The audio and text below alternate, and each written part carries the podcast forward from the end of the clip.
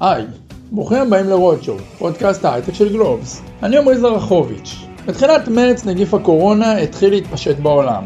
כנסים החלו להתבטל בזה אחר זה, והביזנס של חברת ביזאבו הועמד בסימן שאלה. אבל בתוך שבועיים העמידה החברה מוצר חדש לכנסים וירטואליים, וחזרה לצמוח בקצב מהיר. כעת היא נבחרה לסטארט-אפ המבטיח של גלובס לשנת 2020, בחירה שמבוססת על סקר שמשקיעי ההון סיכון המובילים בישראל. בשבוע שעבר קרן אינסייט הובילה השקעה של 138 מיליון דולר בחברה, כשחלק משמעותי מהסכום שימש לרכישת מניות מבעלי מניות קיימים. עוד קודם לכן ראיינתי את ערן בן שושן, מנכ"ל ביזאבו ואחד המייסדים. איך ממציאים חברה מחדש בזמן משבר? למה הם מתייעצים עם אנשים מתחום הדייטינג והגיימינג? מה יהיה עם החברה כשהקורונה תידח? והאם ההחלטה לפטר רבע מעובדי החברה הייתה לא מוסרית? פרק סופר מעניין, שהוא גם פרק סיום העונה. תהנו. רודשואו, שיחות עם אנשים שעושים את ההייטק הישראלי, בהנחיית עמרי זרחוביץ'. שלום ערן. שלום עמרי. תודה שבאת, או שהצטרפת אלינו בזום מניו יורק. תודה שאתם מארחים אותי. אז אה, ביזאבו, מפתחת אה, טכנולוגיה ל... שעוזרת לחברות להפיק כנסים ולשווק כנסים. תסביר לנו אחרי זה יותר לעומק, אבל בואו נגיע תכלס לנקודה. קורונה, אה, היה איזה יום שבו הבנתם שאין כנראה יותר כנסים, ושבעצם כל המודל שלכם, ההכנסות שלכם על צונחות. תן לנו, תספר על הרגע הזה, את התחושה, מה קרה שם? כן, אז מה שראינו זה ממצב שיום אחד, אה, עד, עד אותו יום הכל אה, בעצם אה, רגיל לחלוטין, פתאום די ביום בהיר אחד אירועים מתחילים להתבטל בעולם המערבי, בארצות הברית, אירופה, ויש לזה אפקט דומינו מטורף, ברגע שהראשונים התחילו לבטל, מיד אחריהם כולם התחילו. ביזאבו זה פלטפורמה שיש עליה אלפי, אלפי אירועים ברמה החודשית, ואתה יכול לדמיין את האימפקט שיש לדבר הזה מבחינתנו, וההבנה שהכל מתהפך אה, ברגע אחד. אה, ברמה שלנו כחברה, הדבר הראשון שעשינו זה לוודא ברמה האופרטיבית שאנחנו מצליחים לתפקד. עובדים, עבודה ברימוט וכולי וכולי, אבל זה די דומה לכולם. מה שהיה מיוחד אלינו זה שבעצם הלקוחות שלנו הם אלה שעברו כאוס מוחלט לחלוטין, וכמו שאתה מבין, ביום בהיר אחד הכל התהפך. ותדמיין אה, מארגני כנסים שעובדים על אירועים לפעמים שנה, לפעמים יותר, אה, אירועים של עשרות אלפי אנשים או רק כמה אלפי אנשים, פתאום אה, מתבטלים, ואיך מתמודדים עם האירוע הזה. אז מה שאמרנו זה שאנחנו שמים, we put a blanket of love on our customers, וזה היה הקו המנחה של החברה, ומה שהעסיק אותנו מאוד בערך 30-60 יום הראשונים מאוד. עד היום זה מאוד מעסיק אותנו. ובמקביל לזה גם בנינו כל מיני contingency plans לנסות להעריך את המצב, פיננסית וכולי וכולי, ולהתעסק עם uh, לעשות פיבוט לאירועים וירטואליים, אבל אפשר לדבר על זה טיפה יותר בהמשך. דבר על זה בטח, אבל כמה זה מלחיץ? זאת אומרת, עם מי, מה, עם מי אתה מתייעץ? למי אתה מרים טלפון?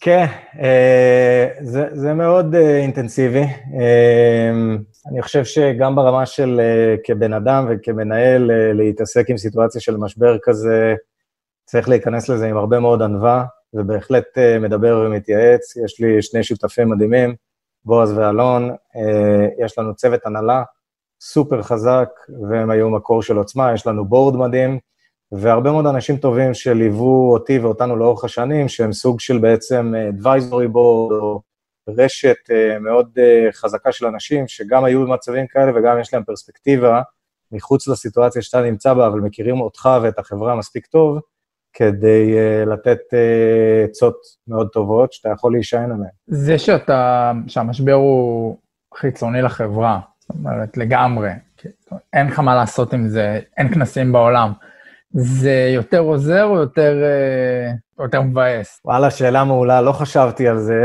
uh, אף פעם. אני חושב ש...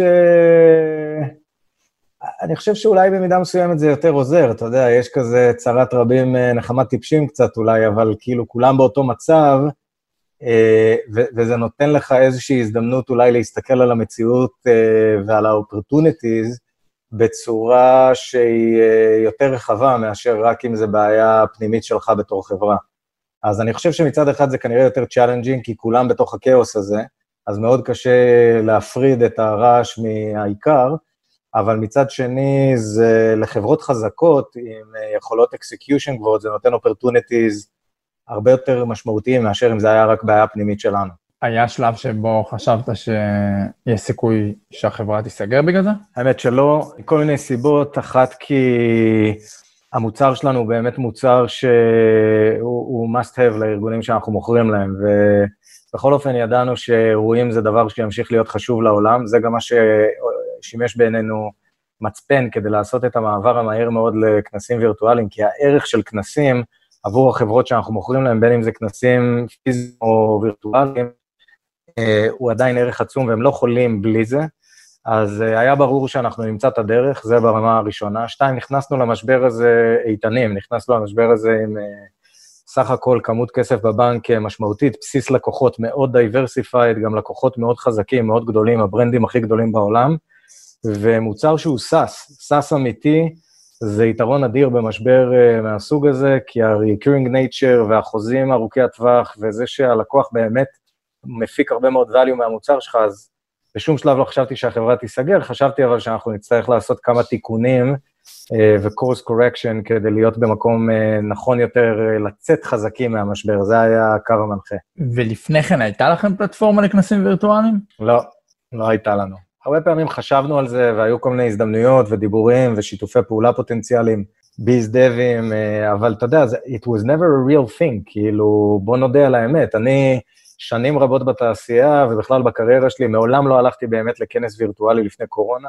כל בן אדם שאי פעם דיברתי איתו מתחילת המשבר הזה, אף פעם לא הלך לכנס וירטואלי, אני לא מדבר על וובינר או איזה שיחת זום של שעה, שזה לא כנס וירטואלי, אני מדבר על כנס כמו כנס שהוא כמה ימים, כמה טרקים, עשרות דוברים, תוכן, מפגשים בין אנשים.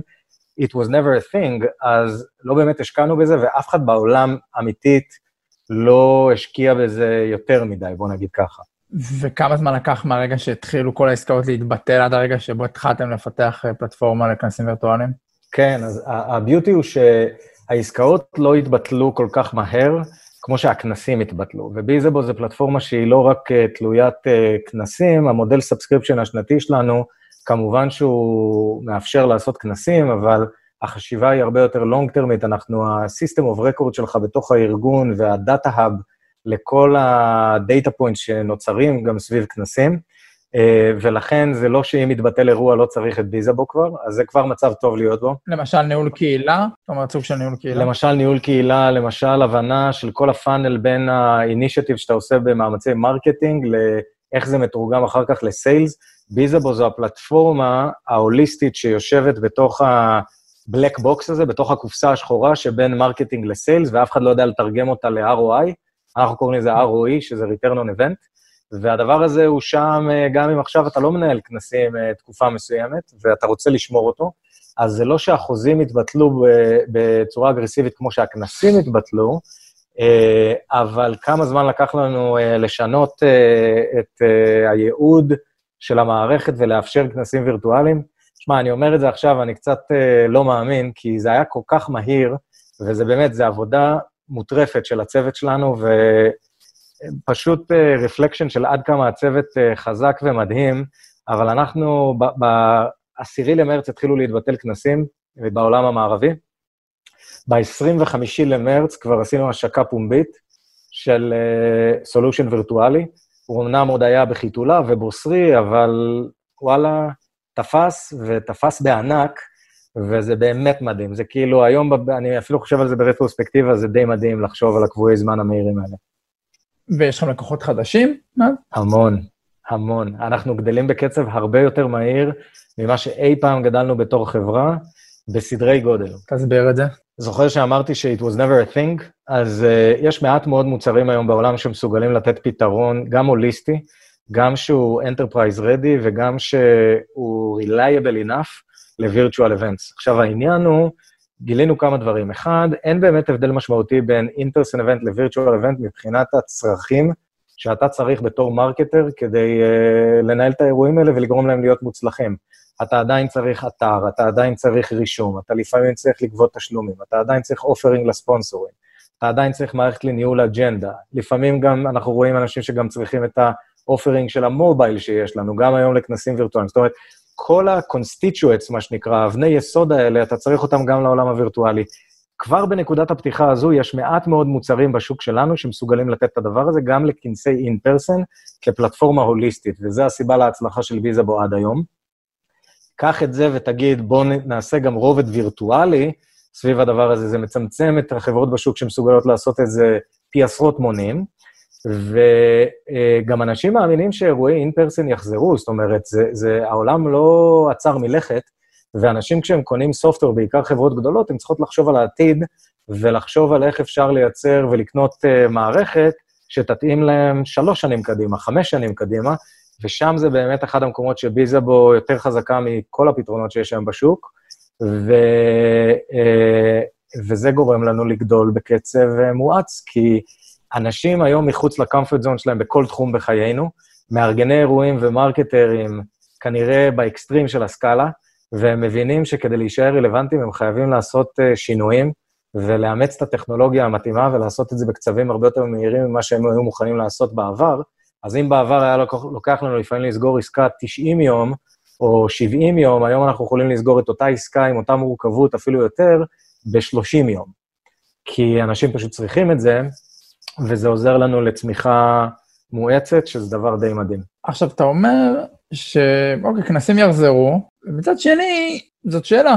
כי כמו שאנחנו מדברים על פגישות, ואתה אומר, אוקיי, אני מבין שאני אחזור לפגוש אנשים, אבל גם ברור לי שה... שהעולם השתנה, שיהיה לי הרבה יותר קל להיפגש עם אנשים, להקליט פודקאסט עם אנשים מניו יורק, אתה יודע, לפני הקורונה לא עשיתי את זה בזום. אמ, ואז אתה שואל את עצמך, מצד אחד, אוקיי, ברור שאני רוצה לחזור לכנסים, מצד שני, אני רוצה שיבואו אנשים מכל העולם. ואנשים לא יטוסו עכשיו, אה, ל, לא יודע מה, ללונדון בשביל איזה כנס אה, של יומיים, הם ירצו את זה וירטואלית. וגם הדוברים. ואז אני שואל, אוקיי, האם זה באמת יחזור? זאת שאלה ראשונה, ואז, ומפה גם נגזרת למה אתם מתכוננים. כי בסוף אתם צריכים להחליט במה אתם משקיעים. אתם משקיעים בכנסים וירטואליים, ועוד שנייה נדבר על איך אתה רואה את הכנסים הווירטואליים מבחינה טכנולוגית בעתיד, כי זה יכול להיות מאוד מעניין. או שאתם מתכוננים לכזה, אוקיי, אנחנו מתכוננים לכנסים אה, אה, וירטואליים כזה לשנה הקרובה, אבל אנחנו, יש לנו עדיין את ה... מאחורי הראש את הצוות שחושב על ה... אתה יודע, על היום שאחרי. לגמרי, לגמרי. אז אני אגיד את הדבר הבא. אני באופן אישי, וזו פרספקטיבה אישית, חושב ש-in-person events יחזרו ויחזרו ביג טיים. הסיבה היא שאנחנו יצורים חברתיים, לא יעזור כלום. בני אדם הם יצורים חברתיים, אתה יודע, אתה רואה את זה ברצון של אנשים להיות ביחד, לצאת החוצה למסעדות, להיפגש, של אנשים לבוא למשרד, אין, אין, אי אפשר לחמוק מזה. אני כן חושב שהדבר הזה, אה, קורונה בעצם יצרה מציאות שלנצח תשנה את, אה, את אה, ההיסטוריה או את איך שאירועים ייראו moving forward, אירועים עסקיים. וזה כנראה ה-disruption הכי משמעותי בהיסטוריה לתעשייה שלנו. אני חושב שזה פשוט יפתח עולם חדש של opportunities. אז אם אני אנסה לתמצת את זה ולהסביר מה יושב לי בראש, אני חושב שביחס ללפני קורונה, יקרו שני דברים. אחד, שנה וחצי מהיום, סדר גודל, יהיו סך הכל יותר אירועים בעולם. יהיה זן חדש של אירועים שנקרא Hybrid Events, שזה אירועים שיש בהם, בוא נאמר, אתה טס ל... אירוע בטקסס של אה, אלף איש אין פרסן, ועשרת אלפים איש מצטרפים רמוטלי, וכל ה-11 אלף איש האלה, לצורך העניין, הם חלק מהג'רני ומהחוויה לפני האירוע, תוך כדי האירוע ואחרי האירוע, אבל לכל אחד מהם יש חוויה שהיא tailored בהתאם להאם הם מצטרפים remotely או in person, כי זה בעצם סט שונה של אפשרויות שיש לכל אחד מהם. ואני בהחלט חושב שאירועים יהפכו להיות טובים יותר, ויהיה איזשהו תמהיל בין אירועים שהם יהיו רק אין פרסן, אירועים שהם יהיו הייבריד, קרי גם אין פרסן וגם וירטואל, ואירועים שהם רק וירטואל, וכנראה שהנדבך הזה של אירועים שהם רק וירטואל, בראייתנו הוא יהיה הקטן מתוך העוגה, אבל הרבה יותר משמעותי ממה שהיה לפני קוביד. כי באמת mm-hmm. הוא מציג סל של פתרונות, או אפשרויות, יותר נכון לומר, הרבה יותר משמעותי ממה שהיה בעבר. ואיך אנחנו ניגשים לזה, לענות על השאלה השנייה שלך?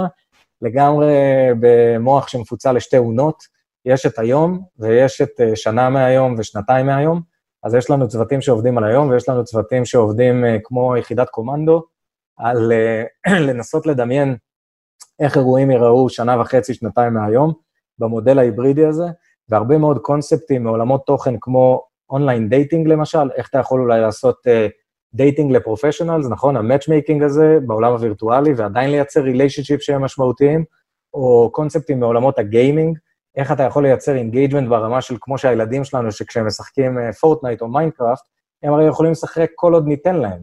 אז יש איזו רמת engagement מסוימת שהיום קשה מאוד להגיע אליה ב-virtual events, professional events, אבל אה, לגמרי ברור לנו שלשם צריך לקחת את הדברים, וצריך להמציא מה שנקרא Human Behavior חדש לגמרי לאירועים. ככה אנחנו רואים את העתיד, וזה די מרגש, למען האמת. יש עם מי להתייעץ? או שכזה, אף אחד לא באמת יודע. האמת שזה קטע ממש מגניב. אחד, להבין שיש מעט מאוד אנשים שמבינים uh, את התעשייה uh, ברמה שלנו, ושזה ייתן לנו איזשהו בוסט של uh, ביטחון עצמי מצד אחד, משולב בענווה, שאני חושב שהיא מאוד נדרשת, כי העולם הוא כל כך דינמי כרגע, וצריך להיות סופר אג'ילים, כן? אז אחד מה-core values, למשל, שלנו בתור חברה זה We are humble. וזה אחד הדברים שעזר לנו מאוד לעשות פיבוטים ולהישאר פתוחים ולא להתאהב יותר מדי ברעיונות שלנו, אבל מצד שני גם לדעת שיש לנו הרבה מאוד ויזיביליות וידע גם דרך הלקוחות שלנו וגם דרך הניסיון לאורך תשע שנים בשוק, זה מאוד מאוד משמעותי. הדבר השני המגניב שאנחנו עושים זה שאנחנו עושים הרבה מאוד uh, design thinking ו-design sprints וקבוצות מיקוד עם אנשים מתעשיות שהם לחלוטין מחוץ ל-comfort zone שלנו. אז אנחנו מתייעצים עם אנשים שהם לאו דווקא מעולם ה events, כן? כמו שאמרתי לך, אנשים מעולם הגיימינג, אנשים מעולם ה social media, אנשים מעולם ה online dating, אה, אה, ובאמת, זה מרתק. כאילו, מבחינתנו, בהרבה מאוד מובנים זה קצת מרגיש כמו לבנות אה, חברה חדשה בתוך חברה קיימת, ו... וזה מדהים. יש משהו שאתה נכנס לעולם מוכר, וכמו שעשיתם, נכנסתם לעולם של כנסים, לעולם מוכר, והבאתם לו ידע ושכל וטכנולוגיה, אז אתה יודע מה אתה עושה, ואתה גם אה, אה, לא יודע כמה מתחרים יש, אולי נדבר על זה אחר כך, אבל אתה, אתה יודע באיזה עולם אתה חי. עכשיו, יש פה הזדמנות מדהימה, וזה, כמו שאתה אומר, מרגש וכו', ויש פה סיכון מטורף. כי אתה יכול עכשיו להיות הראשון שהביאו, אתה יודע, מהראשונים, הבאת מאוד מהר את הכנסים הווירטואליים. אתה יודע, מספיק שיהיה בן אדם אחד, ש... חברה אחת, שתיים, שימציאו את ה engagement הזה יותר טוב, ואתה נשאר מאחורה. כן, אתה יודע, הרבה פעמים, אה, בעצם התהליך שאנחנו... בכלל הפסימיות. לא, לא, להפך, אתה, אתה נוגע בנקודה מדהימה, עמרי. אה, אתה יודע, העניין הזה של product market fit, אנחנו בעצם חברה שהיא אה, חברה שעושה עשרות מיליוני דולרים כבר ב-revenue, ואתה יודע, נמצאת באיזשהו מקום שמצד מסוים, בהיבט מסוים צריכה למצוא product market fit מחדש, כי כל ה market השתנה, ומה זה, מה, מה זה פתאום product market fit? מעולם שהיה מאוד ברור וידוע, פתאום הכל אה, משתנה. ואז תמיד כשאתה בונה product market fit, יש את, אתה יודע, את השאלה הקריטית, האם ה-first timer advantage זה הדבר הכי חשוב שיש, להיות ראשון לשוק עם המוצר, או לבנות את המוצר הכי נכון, ואני מוסיף לזה שהדבר הכי חשוב בעיניי במציאות משתנה שכזו, עם אופרטוניטי ענק, אבל גם ריסק גדול, זה להיות סופר אג'ילים. אז אני חושב, אתה יודע, בסוף צריך לחזור ליסודות. צריך, אה, אחד, אה, הרבה כסף בקופה, כי צריך אורך רוח וצריך אה, להיות מסוגל להשקיע ב product, בטכנולוגיה וב experience, כמו שמעולם לא השקענו בעבר. הדבר השני זה שאתה צריך את ה talent הכי טוב בעולם. לא, לא רק, אתה יודע, פרפרזה, באמת, צריך להביא את האנשים הכי מוכשרים בעולם. ולחזק במקומות שאולי היום הם לא מספיק חזקים אצלנו. אה, והדבר השלישי זה ממש להיות agileי. זה כל הזמן להיות ב mode האיטרטיבי הזה של לבנות משהו, להבין איך הלקוח משתמש בזה, ולהיות מסוגל לעשות אדפטציות מהירות עד שאתה מגיע למתכון המושלם הזה, לעוגה המושלמת הזאת, product market fit, ומשם והלאה באמת הכל יכול להתפוצץ. אז אני חושב ש first timer advantage זה חשוב, אבל הרבה יותר חשוב ה-fundamental של מה שאמרתי קודם, שזה, אתה יודע, מספיק capital, talent מאוד חזק ו-culture סופר אג'ילי, ופשוט execution עד הקצה. מה הפונקציית מטרה של כנסים? זאת גם שאלה. מעולה. זאת אומרת, ה-engagement הזה שאתה אומר, מהו? Uh, תראה, זו שאלה גדולה, האם באמת זה הולך to be redefined again, כן? בואו נחזור רגע להיסטורית פונקציית המטרה של אה, כנסים, או מה שהם גם היום. יש את הסיפור של, אה, אתה יודע, דיברת על marketing. אוקיי, כמובן וזה, אבל אתה יודע, אתה בא לכנס, לא כל כנס שאתה עושה הוא בהכרח אה, כנס marketing, ואז אתה את עצמך, מה, הקשרים של המינגלינג מאחורה, התוכן, מה, מה הוא, אתה יודע, בסוף אתה רוצה לשכפל את החוויה מהעולם האמיתי לכנסים הווירטואליים, אבל מה המטרה? זה מעולה. אז בואו נתחיל רגע מלוודא שכולנו על אותו אה, דף לגבי מה המטרות היום, כן? אז אני, אני אחדד רגע את מה שאמרת, כנסים בעצם היסטורית קיימים בעולם והם מאוד מאוד חזקים, צריך לקחת בחשבון, זו תעשייה של למעלה מ-550 מיליארד דולר בשנה שמתגלגלים uh, על כנסים, uh, כולל הכל, כולל גם travel וכולי וכולי, על software, 24 מיליארד דולר, תעשיית ענק, זה התעשייה, סתם לשם הדוגמה, uh, השמינית בגודלה בארצות הברית, ואני מדבר רק על professional events, אני לא אירועי ספורט, לא אירועי, לא חתונות, לא בר מצוות, רק professional events. יש לך תעשיית הרכב, תעשיית המזון, תיירות, טה-טה-טה, מספר שמונה ברשימה, professional events. תעשיית ענק, והסיבות שהיא קיימת זה הסיבות הבאות. אנחנו רואים אותן כשלוש סיבות מרכזיות. אחד, בראש ובראשונה זה יצירת relationships, בין חברות ובין אנשים, בסדר? יצירת לידים, יצירת business אה, וכולי וכולי, ה-networking הזה. הדבר השני זה acquiring knowledge and to be inspired. כמו שאתה הולך לאיזושהי הופעה ויש בעצם knowledge building, אבל בצורה של community, שזה משמעותי. כאילו, ה-togetherness הזה מייצר איזשהו movement. והדבר השלישי זה, אנחנו מייחסים לזה גם חשיבות, זה to have fun. כנסים בסופו של דבר, שוב, אני חוזר לזה שאנחנו social creatures, יש הרבה מאוד fun בלטוס ולבלות ולראות עולם ולראות אנשים וכולי וכולי. עכשיו, קח את שלושת הדברים הבסיסיים האלה ותגיד, איך אנחנו, איך זה ייראה בעתיד? האם זה ישתנה? האם מאזן הכוחות ישתנה? ייכנס איזה משהו חדש, משהו מהשלישייה הזו יבוטל? כרגע, אני יכול להגיד לך שה-Operating Assumption שלנו הוא שלא, ושלושת הדברים המרכזיים האלה ימשיכו להיות הדברים המרכזיים שבגללם יש אירועים בעולם. אה, לגבי האם צריך לשכפל את החוויות מהעולם הפיזי לעולם הווירטואלי, זו שאלת מפתח. אני, דרך אגב, חושב שלא. אני חושב שצריך להמציא חוויות והתנהגויות חדשות שמתאימות לעולם הווירטואלי, ולא לנסות לחקות את ההתנהגות בעולם הפיזי. אני רוצה לתת לך דוגמה קטנטנה.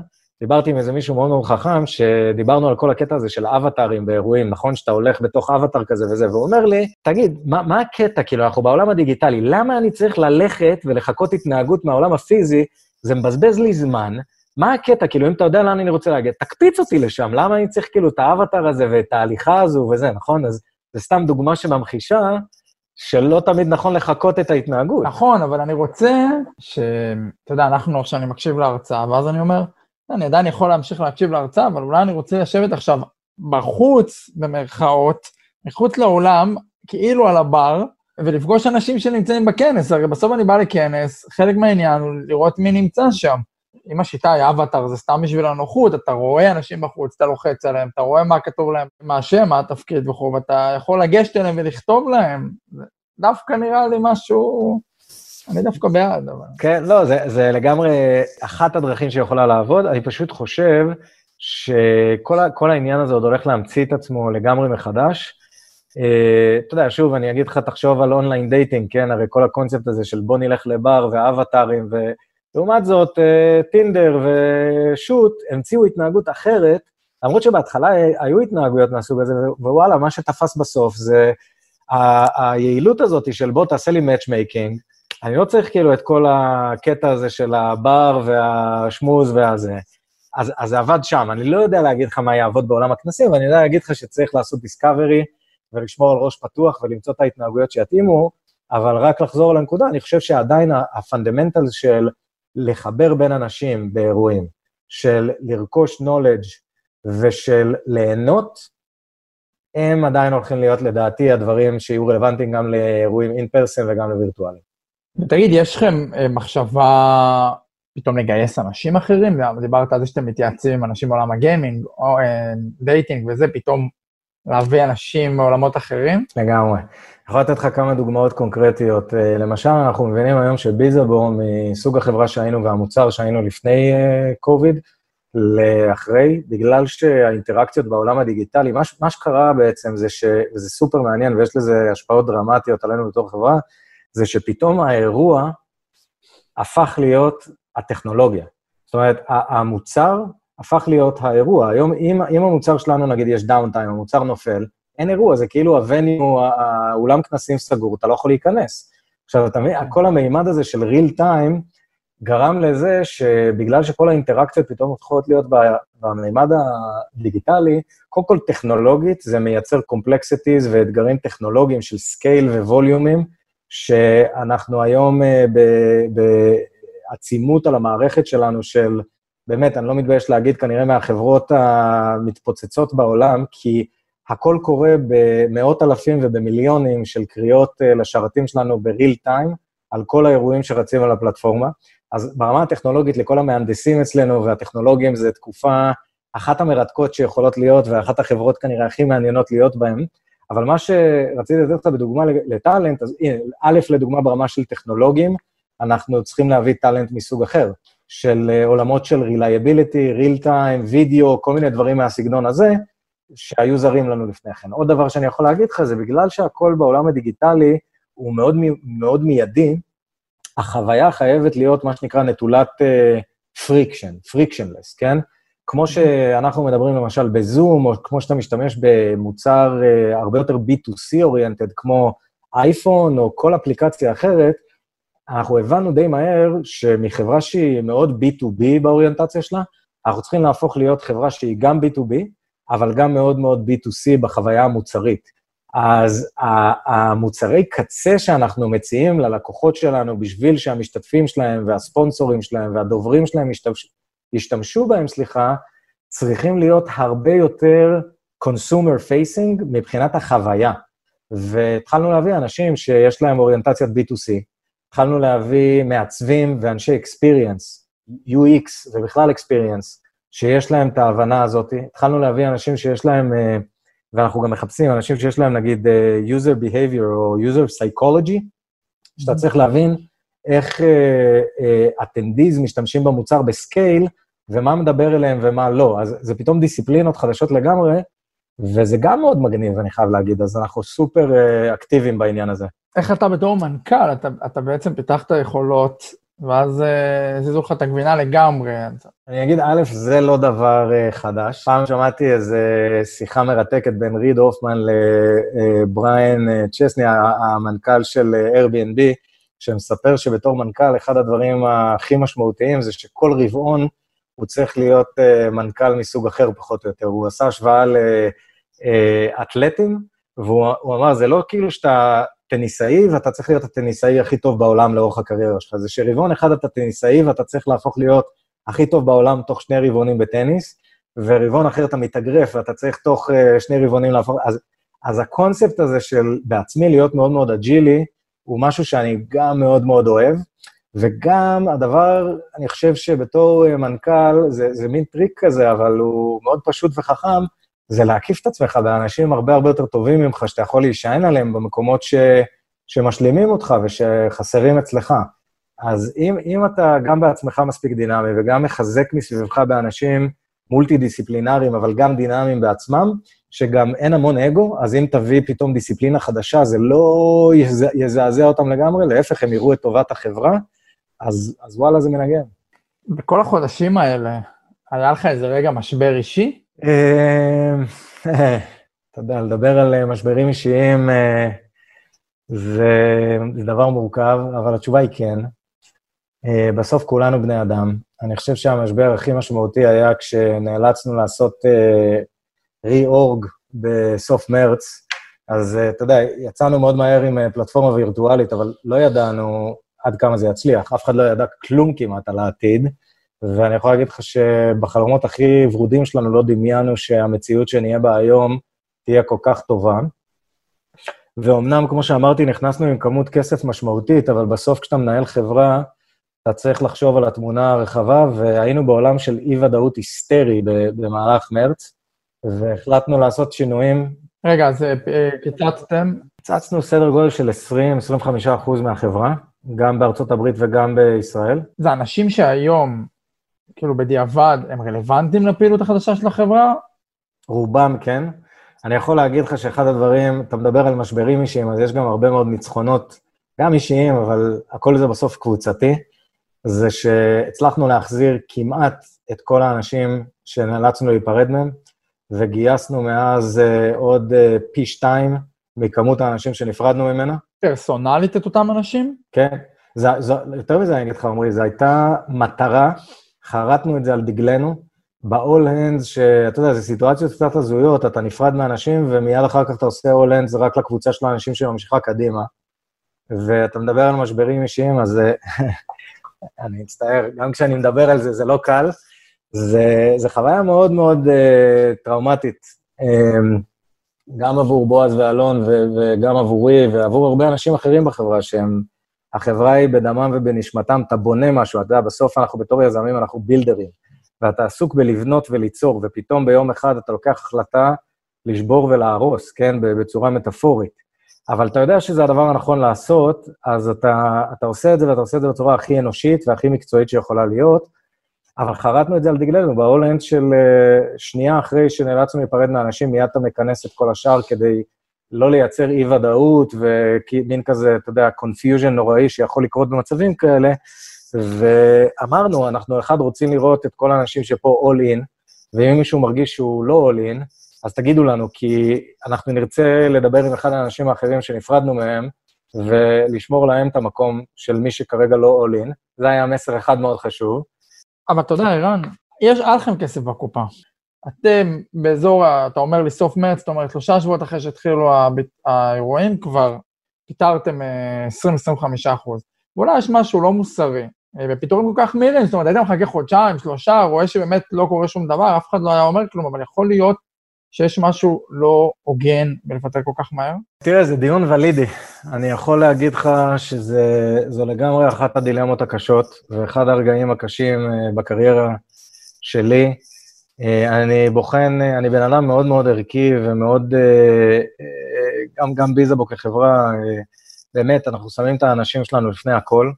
גם היום כשאני מסתכל ברטרוספקט ולא מתוך מקום של עקשנות, אני חושב שעם רמת האינפורמציה שהייתה לנו אז, וסוג האנשים שהחלטנו uh, להיפרד מהם בצורה הכי יפה והכי טובה שיכולנו לעשות, היו סוג אנשים שה-ROI שלהם uh, היה כזה שהוא כנראה היה לא רלוונטי. היום בדיעבד, בנקודה שאנחנו נמצאים בה היום, וזה כבר שבעה חודשים אחרי, אז אני אומר לך, הם רלוונטיים, וגם אמרתי לך, רוב האנשים, לא כולם. ואני מדבר למשל על אנשים שרק עתה גייסנו. נגיד, אנשים, cohort של אנשים די משמעותי שגייסנו באמצע פברואר. עכשיו, אתה אומר, הסיכוי שלי לגרום להם להפוך להיות מוצלחים, עם כל הדברים שאני אצטרך להתעסק בהם, אף פעם לא עשינו onboarding לאנשים ב-remote. זה משרות שכנראה ייקח חצי שנה עד שהם יהפכו להיות ramped-up ופרודוקטיביים.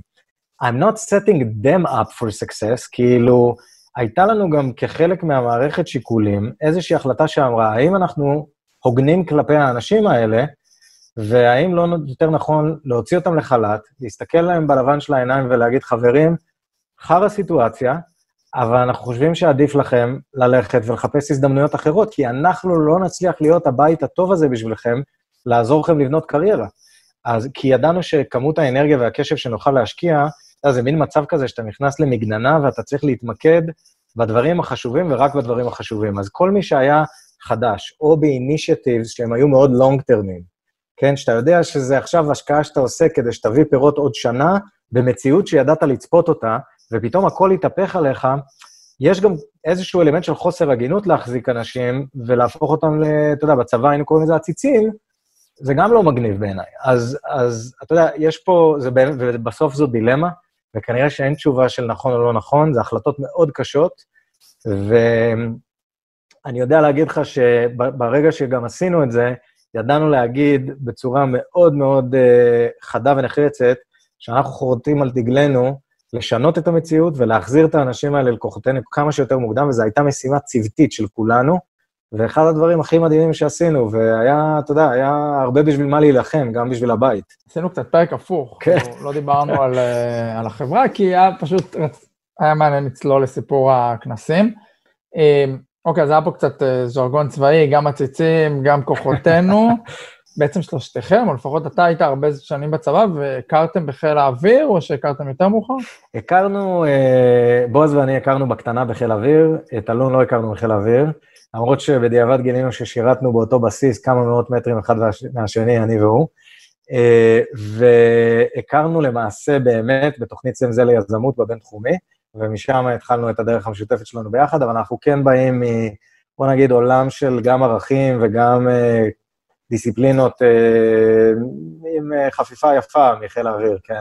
תחקרים אחד את השני. כן, בדיוק. כמה לזה יש, אה, זאת אומרת, יש תפקיד, זה היה לזה חשיבות באמת? כן, תפקיד אדיר. תראה, אני למשל, אני יכול לספר מהסיפור האישי שלי, אני הגעתי לתוכנית זל אה, בערך כשהייתי בן 29-30, אז הייתי הסבא בבין-תחומי באופן כללי וגם בתוכנית זל. אבל, אה, וכבר אה, נולד לנו הבן הבכור שלנו תוך כדי שהייתי בתוכנית זל, ואני מניח שאם לא הייתי בתוכנית זל, כנראה סיכוי של 50-50 שהייתי מוצא את עצמי יזם, יכול להיות שהייתי בוחר ללכת בדרך אחרת.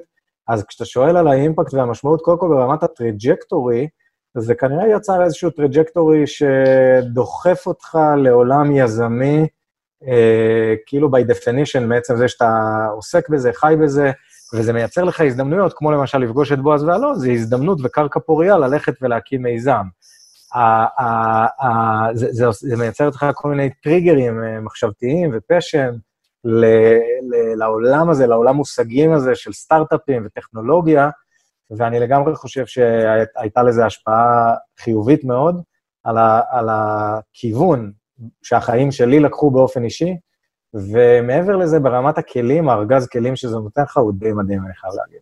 ובעצם, קודם כל, כמה עובדים יש לכם היום? היום אנחנו 150 עובדים ומגייסים אה, המון, כמה, ש, כמה שאפשר. כמה היה לכם במרץ? במרץ היה לנו, אז בדיוק אה, שבוע שעבר, ה-Chief People Officer שלנו שלחה לי, סיפרתי לך על העניין הזה של אה, חרטנו על דגלנו ולהחזיר אנשים, שחצינו את הרף של מה שהיינו לפני. אה, אז גייסנו המון המון אנשים והחזרנו המון אנשים. אז היינו בקצת פחות מ-150 במרץ, והיום אנחנו כבר יותר מ-150. אתה אמרת שהיית בזה בגיל 29-30, אתם כבר הקמתם את החברה לפני כמה? עשר שנים? קרוב, כן, תשע שנים. איזה מסע. בעצם מה קרה שם בשנים הראשונות? בשנים הראשונות זה מעניין, אנחנו התחלנו עם איזשהו מוצר אה, יחסית נישתי. חשבנו אה, שנפתור את הבעיה של המפגשים באירועים, ואמרנו שנעשה את זה עם אפליקציית מובייל, וחוויה שהיא כזאת, היא קצת דומה, תחשוב על לינקדין לעולם האירועים, שאתה יודע מי הולך להגיע ואתה יכול להתחבר ולייצר נטוורקינג וכולי וכולי, ועם האג'נדה במקום על ברושור, אז בתוך אפליקציית מובייל וכולי וכולי. ותוך שנתיים, שנתיים וחצי, הבנו שהמוצר הזה הוא חמוד, אבל לא על זה נבנה חברת ענק.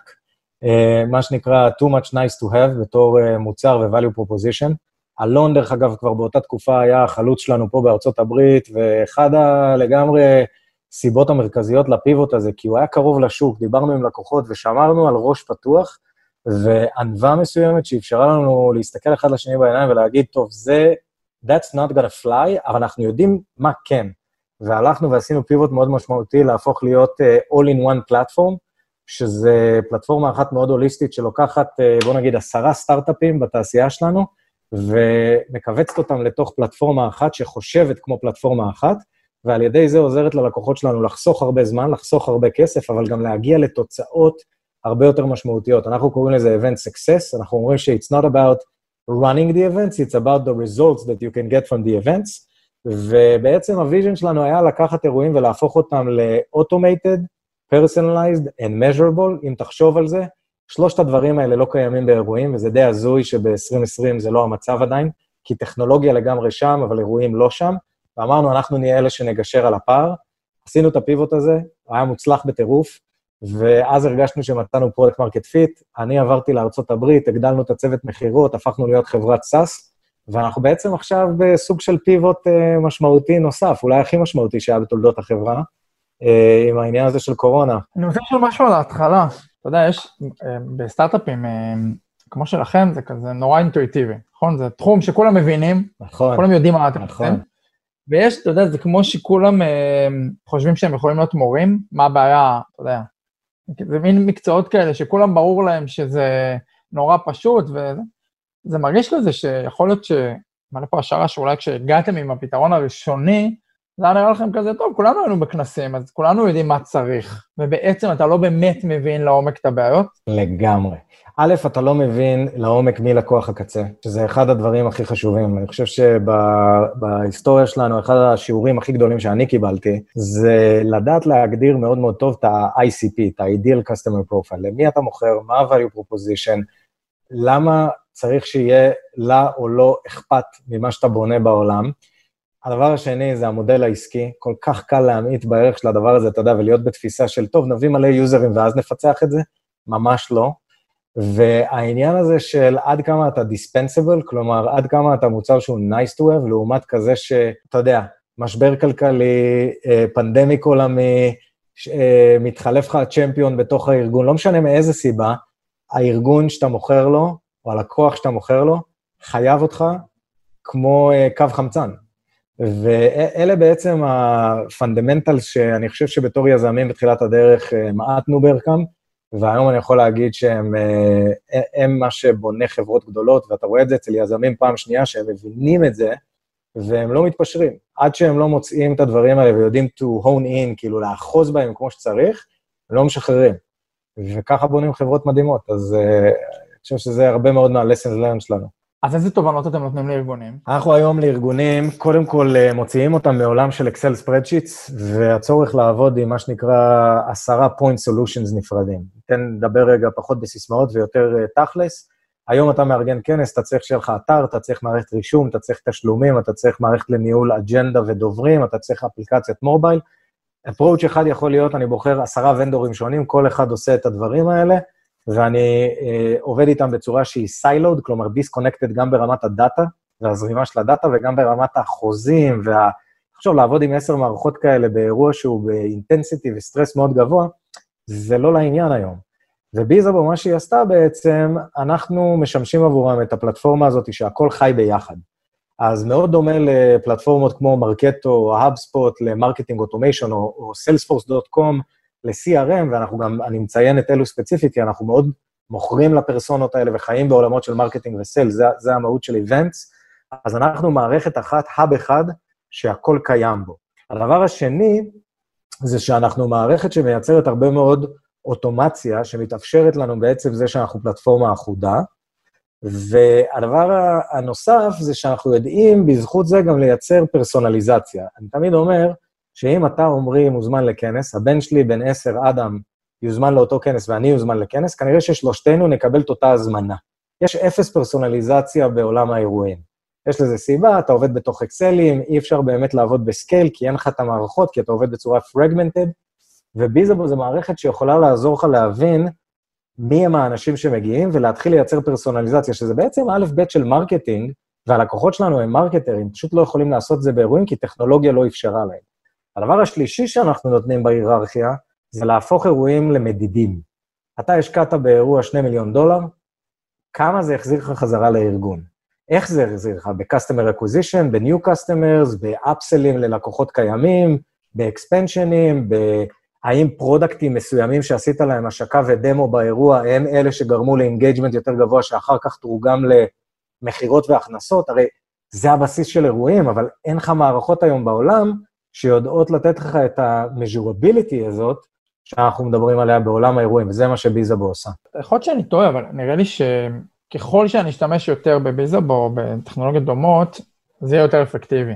לגמרי. כשאתה בא באירוע הראשון, אז אתה יודע, עוד אין לי את האקסל מסודר, ואין לי מעקב אחר הבן אדם הזה, ואני לא באמת מכיר אותו, ויש איזה מין אולי קושי אפילו למכור לי את זה, כי מה תגיד, יש יהיה לך ערך עוד שנה אחרי שתנהל את הקהל הזה במשך חמישה כנסים, ואני מניח שזה סוג של אתגר. זה אתגר וזה גם יתרון. תראה, אנחנו מביאים המון ערך יותר מהפלטפורמות הסיילוד בוודאות, כבר מהאירוע הראשון שאתה עובד איתנו. רק מעצם החיסכון של הזמן והכסף, פחות טעויות שקורות מעבודה ידנית ומעבודה של אקספורט-אימפורט בין מערכות שונות. ואנחנו נותנים לך ויזיביליות לדאטה שאין לך בשום דרך אחרת uh, את היכולת לקבל אותו. אז כבר מהאירוע הראשון, ב-order of magnitude, ה-value שביזאבו נותן לך הוא משמעותי. ככל שאתה משתמש בו יותר, גם בגלל שאתה מייצר efficiencies, כי אתה הופך להיות יותר self-sustained ומאומן על המערכת ויודע לנצל את היכולות שלה, וגם בגלל שככל שיש יותר דאטה, זה הופך להיות הרבה יותר powerful, אז משני הטעמים האלה, מן הסתם, ואתה יודע, זה אתגר, אבל זה הרבה יותר הזדמנות לדעתי, כי זה הופך אותנו לפלטפורמה יותר sticky, וללקוח שלנו להיות פרטנר אמיתי, כי גם יש איזשהו תהליך של איזון חוזר שבו הם אומרים לנו מה הם צריכים מאיתנו, ואנחנו עם הזמן מוסיפים את ה-value הזה למערכת. אז אנחנו כאילו, אתה יודע, גדלים ביחד ומתפתחים ביחד. התחום הזה של כנסים, נראה לי היה בטח כזה מתחת לרדאר, הטכנול... מה שאתם אומרים, כמו שאתה אומר, זה לא היה הטכנולוגיה שמאפשרת את זה, אלא זה היה יותר הפקת תובנות. ועכשיו בקורונה, זה שם את זה הכי במרכז שיש. ואני מניח שזה גם הביא איתו הרבה תחרות, או הרבה אנשים פוזלים לתחום הזה, ופתאום הענקיות יכולות לחשוב על זה, או לא יודע, פתאום זום יכולה לחשוב על זה, או אין לי מושג. אתם רואים את זה? לגמרי. Uh, אני אגיד לך כמה דברים בעניין הזה. קודם כל, תחרות זה דבר בריא, ומצד אחד זה תמיד uh, מטריד, אבל מצד שני, uh, זה גם אינדיקציה מאוד מאוד uh, חשובה וחיובית. אני יכול להגיד לך שספציפית בביזאבו, אנחנו די מרגישים blessed, ואתה יודע, לפעמים גם להיות grateful, והמציאות של היום גורמת לנו הרבה פעמים אה, לשכוח מהדברים האלה, אבל אה, לפעמים להיות grateful על מה שיש לך, ולא כל הזמן להסתכל לצדדים ולהגיד אה, שלשכן יותר ירוק, זה דבר סופר חשוב, זה דרך אגב אחד מה... בתוך ה-core values שלנו, זה, זה מופיע שם, ואנחנו מרגישים שתשע שנים של עבודה סופר קשה, והרבה דברים לא באו לנו בקלות בביזאבו, זו האמת, אבל תשע שנים של עבודה סופר קשה ומצבים אותנו היום במקום שיש לנו אסטים, שבאמת שמים אותנו במקום ובפוזיציה להיות החברה שיש לה את הפוטנציאל. עכשיו, הכל תלוי בנו, אבל יש לנו את הפוטנציאל להפוך להיות החברה הכי משמעותית והכי מעניינת בתעשייה הזאת. ואני אסביר רגע למה בהתייחס לנקודות שאמרת. הגדולים, מה שנקרא ה-incumbents והאוניות הגדולות שקשה מאוד להזיז, דיברנו קודם על הג'יליות והחשיבות של הג'יליות במציאות שהיא ever evolving, כל הזמן משתנה, ואני מאוד מאמין שהכנסים הווירטואליים, עוד שלושה חודשים מהיום ייראו מאוד שונה ממה שהם נראים היום, וחצי שנה עוד יותר שונה, ותשעה חודשים בכלל, והיברידי זה בכלל משהו חדש שאף אחד לא מכיר, ואף אחד לא יודע איך הוא ייראה, אז אתה חייב להיות אג'ילי, וכשאתה חברה של אלפי אנשים שה-DNA שלה הוא לא אג'ילי, מאוד מאוד קשה להגיע לשם, וזה סוג התחרות, ה-legacy שיש בתעשייה שלי ספציפית של events. לגבי תחרות כמו זום ואחרים שהם לא מהעולמות ספציפית של events, מה שגילינו עם השנים, וזה גם משהו לא להמעיט בערכו, זה ש-event זה דבר מורכב. אתה צריך באמת domain expertise, ולכן אין הרבה חברות בתעשייה שלנו שטכנולוגית הצליחו להגיע לסקייל. אז לבוא ולהגיד, זום עכשיו ילכו ויבנו Event Management Software end-to-end, וזה זה כנראה unlikely, הם יכולים לעשות את זה, דרך אגב, יש להם את הטאלנט, יש להם את זה, אבל בין הבחירות האסטרטגיות ביזנסיות שהם יעשו, כנראה unlikely. ולגבי החדשים, אז תמיד צריך להיות ערניים ולשים לב, ואלה שבעיקר, אתה יודע, ממוקדים היום רק בווירטואל, אנחנו חושבים שהיתרון האדיר של ביזאבו זה הניסיון שיש לנו ב-in person, וכשהעולם יחזור in person והייבריד, זה שיהיה לנו גם וירטואל וגם in person, זה יהיה ה-key success factor הכי משמעותי שלנו בתור חברה. אז אתה יודע, מה אני אגיד לך? תחרות יש אה, לא מעט. אגב, פחות ממה שהייתה קודם, כי הרגע השוק עדיין במצב אה, של מערבולת, הוא עדיין uh, רק בתחילת הדרך של הווירטואל, אז אני מאמין שתחרות תלך ותתגבר עם הזמן, לגמרי לא שאנן לגבי העניין הזה, אבל מרגיש שיש לנו, מה זה מתנה, ושאנחנו ממוצבים uh, במקום מדהים, וזה מכניס הרבה רבאק, והרבה מאוד התרגשות, והרבה מאוד רצון ליצור ולעשות טוב, ולעשות אימפקט, וליצור קטגוריה חדשה ואירועים מסוג חדש, שיהיו הרבה יותר טובים, לכל הסטייק הולדרס שמעורבים בהם. אז ככה אנחנו מסתכלים על המצב ועל התחרות. שמע, ערן, באמת, סיפור מעניין, אה, שהוא מתגלגל. לגמרי מתגלגל. נראה לי נשריין כבר עכשיו לעוד איזה חצי שנה, אולי שנה, פרק הבא. מדהים, בכיף. כי מעניין אותי לאן העולם הולך ומה אתם תעשו. תודה רבה, ושיהיה בהצלחה. תודה לך, תודה רבה, ותודה לכל מי שהקשיב. עד כאן עוד פרק של רוד שואו. מוזמנות ומוזמנים לעקוב אחרינו באתר גלובס, בספוטיפיי או בכל אפליקציית פודקאסטים שאתם מחבבים. ונשמח אם תדרגו אותנו גבוה באפל פודקאסט, ותשלחו את הפרק בוואטסאפ לחבר שעוד לא שמע עלינו. תודה לעורך הפודקאסט עם רון טוביה, אני עמרי זרחוביץ', שרק נהיה בריאים, יאללה ביי.